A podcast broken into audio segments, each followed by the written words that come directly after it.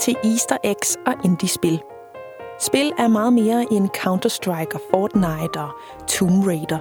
Der er unikke og vilde oplevelser derude, som de uafhængige spilstudier har lavet, uden nogle gange at vide, hvordan man egentlig gør det, eller med minimal økonomisk støtte. Og de spil zoomer vi ind på i denne podcast. Det her afsnit handler om spillet Infra.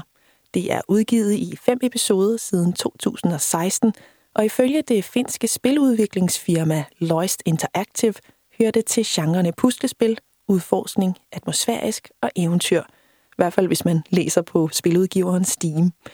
I den første del af afsnittet får du en kort beskrivelse af, hvilket slags spil vi egentlig er ude i. Og øh, det vil sige, at jeg har fundet lidt lydklip fra spillet, som giver den her stemning og actionfølelse. I den anden del, der har jeg interviewet grundlæggeren af Loist Interactive. Han hedder Oskari Samiola, og han vil fortælle om vejen til det færdige produkt og hvad virksomheden egentlig arbejder på i dag. Jeg hedder Margrethe Lykkegaard. Velkommen til Easter Eggs og Indiespil.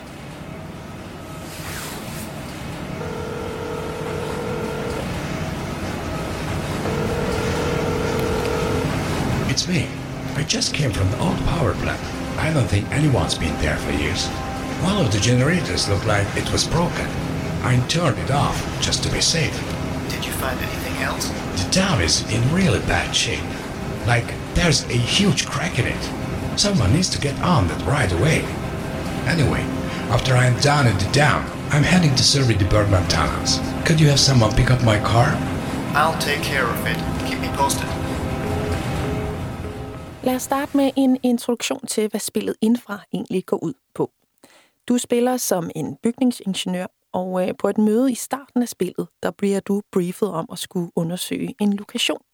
Men før du kan tage afsted, der skal du altså finde dit kontor i den her flereetagers ejendom, fordi du skal nemlig bruge nogle ting på din tur. Du skal bruge en lommelygte og et håndholdt kamera, og selvfølgelig også nogle bilnøgler. De ting fanger du, og så afsted til lokationen i din bil. Now, where is the car?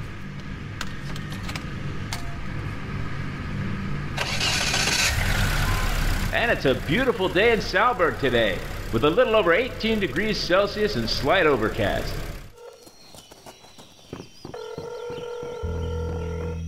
I'm finally here. The traffic was horrible. Any last minute tips before I start surveying this place? You know, På den her lokation, der skal du med kameraet dokumentere, hver gang noget ser ud, som det ikke bør. Det kan for eksempel være cement, der er krakeleret. Det kan være strøm, der gnistrer. Eller det kan være noget helt tredje. Let's hope the rebar holds onto the repairs. Det, han finder på sin vej, som du kan høre her, det øh, reagerer han typisk på, når du tager billeder af det. Så det er egentlig meget hyggeligt. Desuden er der de her små puslespil undervejs. The water is electrified. I better watch my step. I det her lydklip kan du for eksempel høre, hvordan du skal finde vej fra den ene side af en stor hal til den anden. Og det, der er udfordringen, det er, at den her hal har vand i bunden, og der er selvfølgelig ledninger, der så rammer vandoverfladen. Og det er jo selvfølgelig med livet som indsats. Øh, det kan godt være ret udfordrende at skulle gå i noget vand, fordi det leder jo enormt godt øh, elektricitet.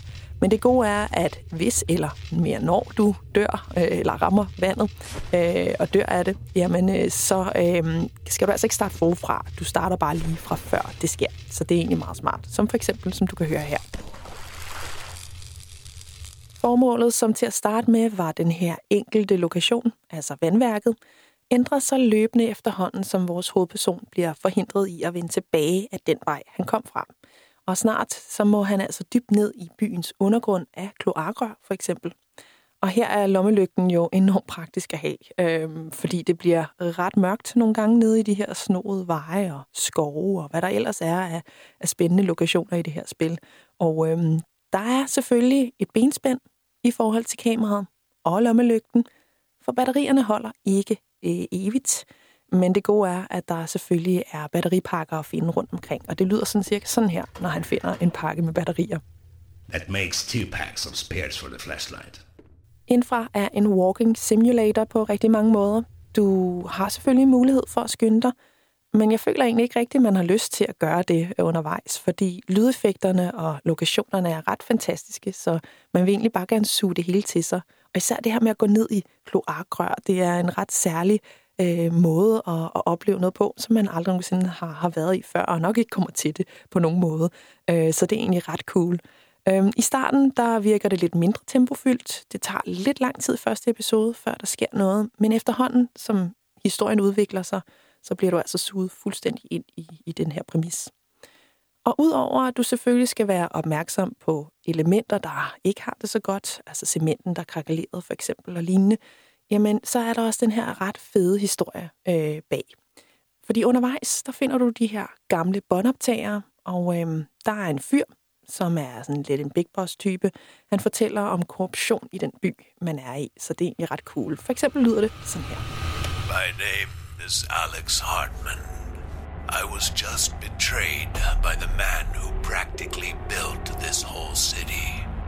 It started with Bergman, then Stalburg Steel, and now my company. All bankrupted by Jeff Walter. Desuden er der selvfølgelig historien om grønne svampe, der muligvis bruges af militæret. Og den her historie bliver også stille og roligt rullet ud i de fem episoder, man, man har øh, at gøre godt med her. Øhm, så det er for eksempel konspiration, der er korruption, og så er der de her kritiske oplevelser, der altså er hovedfokus i spillet indfra. Derudover så kan du selvfølgelig også gå på jagt efter geocaches.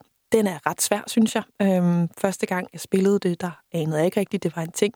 Så øh, det var mere et tilfælde, at man fandt sådan nogle små grønne bokse, hister her. Og der skal du altså hoppe ud over kanten af steder og sådan noget. Så, så det er lidt sværere, men man kan altså godt finde dem. Og så er der selvfølgelig en masse achievements øh, undervejs, og nogle af dem, dem skal du altså være ops på, inden du går i gang med selve gameplay. Så der vil jeg anbefale dig lige gå ind og se, om du kan få lidt øh, sneak peeks i listen, inden du går i gang. Og så er der selvfølgelig andre, man automatisk får, når spillet udvikler sig. I Infra, der kommer du altså helt ned under jorden, men du besøger også for eksempel en beboelsesejendom, du finder mysterier, og så skal du øh, redde byen fra kraftværket, som jo ikke har det så godt efter vandværket gav fortabt. Og hvorvidt du har en rolle i det eller ej, det vil jeg lade øh, dig opleve, når du spiller spillet. Loist Interactive, der altså har brugt nogle år på at udvikle infra og de udfordringer, der er i det. De forklarer selv, at det er et spil uden skyderi og bomber. Men der er altså mange andre spændende oplevelser og en ret vild finale, som virkelig får pulsen op. Og hvor der endda er alternative afslutninger. Og det kan for eksempel være afhængig af, hvor mange dokumenter og øh, billeder, du får taget undervejs i spillet, øh, der afgør, hvilken vej du tager i spillet. Så det er egentlig også ret cool. Det, det kan du altså lige have for øje, når det er.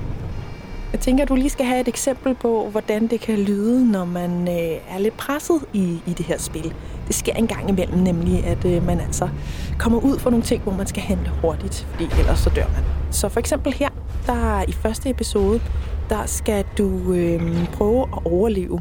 Du bliver nemlig lukket inde i et slusesystem, og du skal altså prøve at få to sluser åbnet, så bygningen ikke kollapser i hovedet på dig. Men du må altså tænke lynhurtigt for at reboote det system, der er. Og der skal du bruge en kode, som du finder undervejs. Så det er altså enormt svært. Her er eksemplet.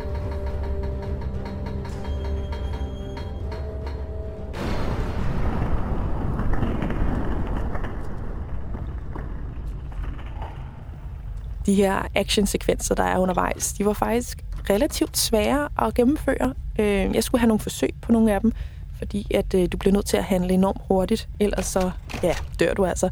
Så derfor så øh, er det altså ikke bare nemt, men øh, det giver lige den action, der er brug for undervejs.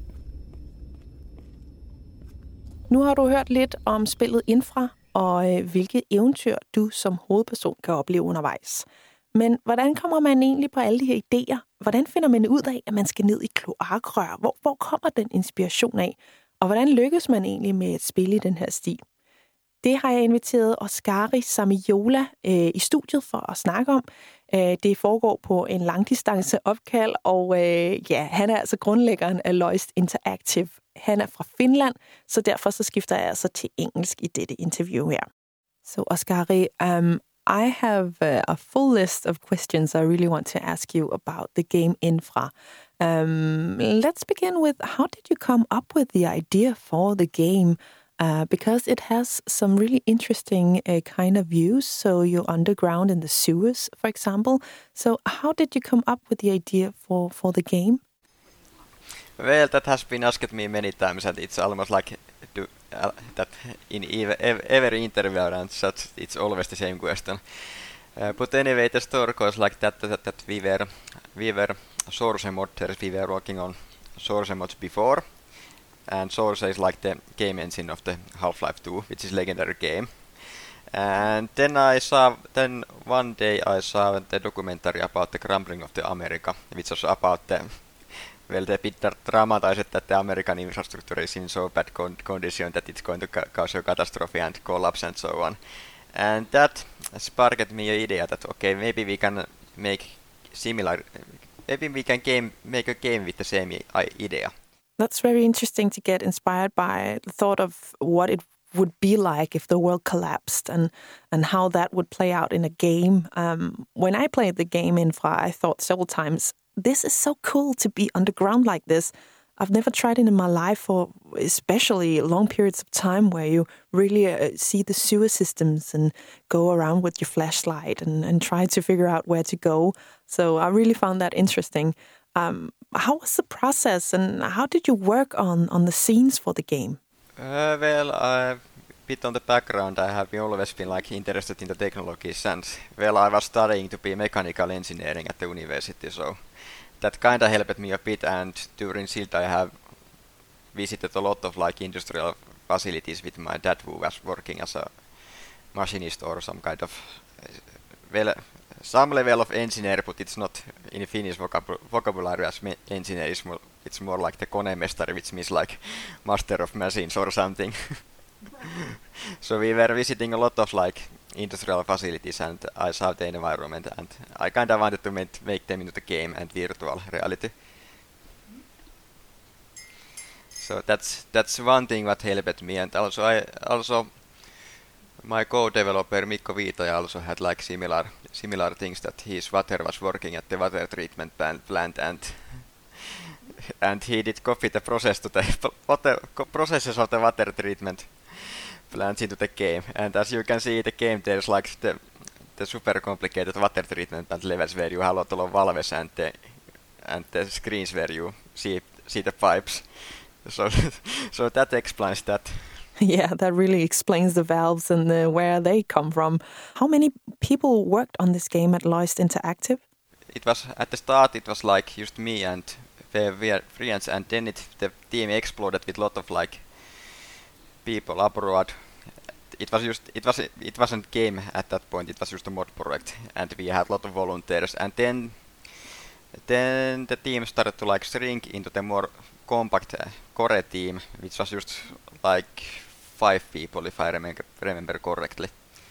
And then uh, us five finished the game. What I really enjoyed playing Infra was the atmosphere and the sound effects, and and especially the storyline. The storyline kept progressing realistically, um, which is really an achievement, I think. Um, it made sense why we, as the main protagonist, had to move forward in the game and not go backwards. Uh, you started the, the plant and you move forward down in the sewers, find mysteries, and find out more about the city and the people. And, and that was a really interesting pro- uh, progress. But, but how did you keep finding out new ways the story could progress? Uh, well, that is a bit hard questions, and as you can, and even there were even some irrational stuff like the coffee machine during the one tunnel. well, some of the ideas are like they came up when we were looking at the technical documents of and pictures of industrial facilities, and and some other were like very random stuff that we just maybe saw something on the internet or even some like some something in the in the in the nature or, or in the city. At least if you remember infra during the one water treatment plant level, there's like the computer sitting on rock in the forest. Well, we actually saw, saw a similar thing when I was on train and we look at out of the window and said, okay, there's like, why the heck there is like computer on a rock in the middle of the forest in near train track and okay, okay, we are going to add that, uh, that our game. so it, so it's the story of infra like it it has like many layers there that there is like going to going to be like the present technical level story calling, which is all about the technology and the infrastructure collapsing, and then there is the corruption stuff, and then there is like the and, and before the and below the corruption there is like the uh, military and government conspiracy, and even under that there is there is like the urban legends level level part of the story. So it's very layered. Yeah, yeah. And and how did you come up with that part? Because that's not many games that does that. Uh, uh, it seems that it kinda evolved natural, naturally, because when we started the game, only had like, like had only like the technical story which was only about the infrastructure, and then we started to in invent something that okay, it needs something that explains it, and then we came up with the with the general corruption, and and even after that we came up with the with the military conspiracy about the well big spoiler the nuclear weapons program and the and the sec- and the green mushroom secret bioweapon program program under that and then well I can't say much about the urban legends part because that because Mikko did most of those and well he is very secretive guy especially if you ask about about the arc from the discord he's never going to he's never going to answer this question related to that. The general corruption story and the mushroom uh, part was some of my favorite parts of the game. Actually, what about the main protagonist, the the structural engineer? How did you find out how he should be in the game? Uh, well, originally we wanted to like to have like some very basic engineer or, or building inspector to look at that look at the stuff. So I think maybe that explains like the majority. And of course we still wanted to like present our own nationality in the in the games because it's like it's often never seen in games. So we wanted to do that. So of course he's like very stereotypical Finnish engineer. Is he inspired by a real person? Uh, more, more about general feeling. But there's a lot of jokes about in Finland that Finland is the nation of the engineers and Finland is as great Finland is as great as Toyota or something. and even even something that some kind of some even told that Finland is Republic of Engineers and something like that. There's a lot of that engineer stuff going on here. in a, in a, in a self-ironical way. So, why did you decide on the first person angle in the game? Um, I really want to hear what you think of that. Uh, I think it, that that we didn't even decide that the game from the uh, game engine because ha even Half-Life 2 was first person and the whole game engine has been developed for first game person games. So that came naturally from that way. Personally, I really enjoyed the first person games because even though the main character in this game is a male, I I still can pretend that it's me down there in the different zoos, and that's a different way to play a game than a, a third person game. Yeah, and it would be like very hard to make like like animations and the character models, and as you can see, like the, the characters in Infra, they like uh, they seem like a bit woody there. That that or blast. Okay, so it's more difficult to create a game with a third-person view. Yeah, yeah, because model, modeling characters and animating things is like very hard compared to like compared to like more static objects such as cars and pipes and that that kind of stuff. Oskari, have, have you ever been in a sewer system before, like this one in the game?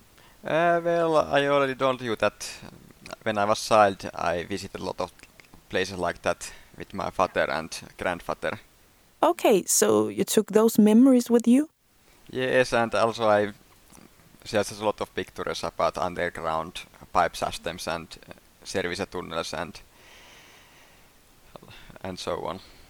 I've talked with other uh, game developers, and I'm really curious about your progress and your process in it. Uh, what was the most difficult part to create when making the game?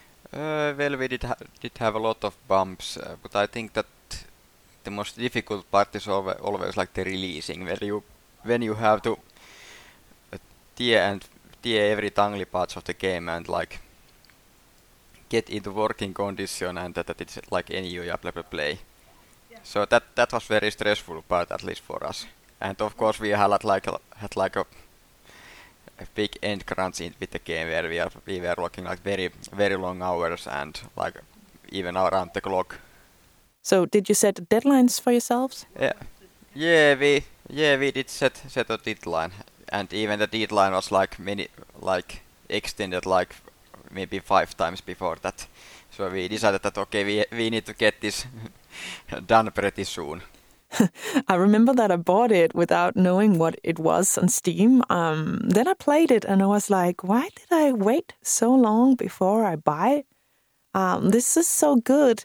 And now I've replayed it many times since, and you don't know what you're going into until you actually sit there and be like, whoa. Yeah, and even in the infra, it's like the the start of the game is like very slow, and there's not much happening during the let's say five first levels, and then it starts happening, and then it's getting more intense, and lot of lot of new dark secrets are very uncovered, and, and the player like mind blown at that point. Thank you so much, Oskari Samiola. I really enjoyed talking to you about the game infra, and well done.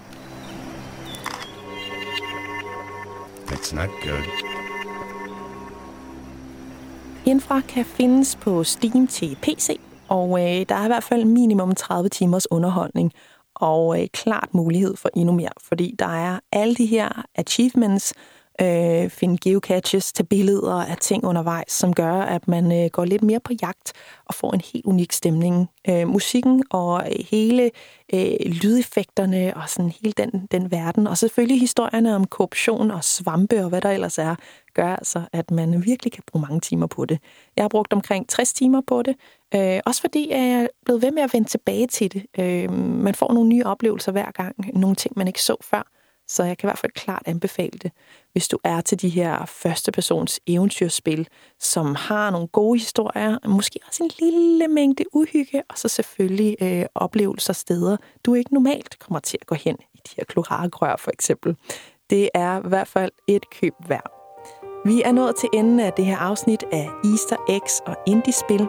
Jeg hedder Margrethe Lykkegaard, og jeg har simpelthen nyt at få lov til at fortælle lidt om spillet Infra.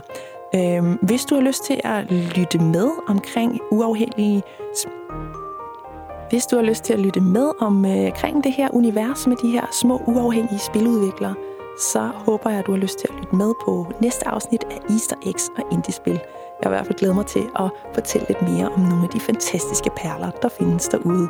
Vi lyttes ved!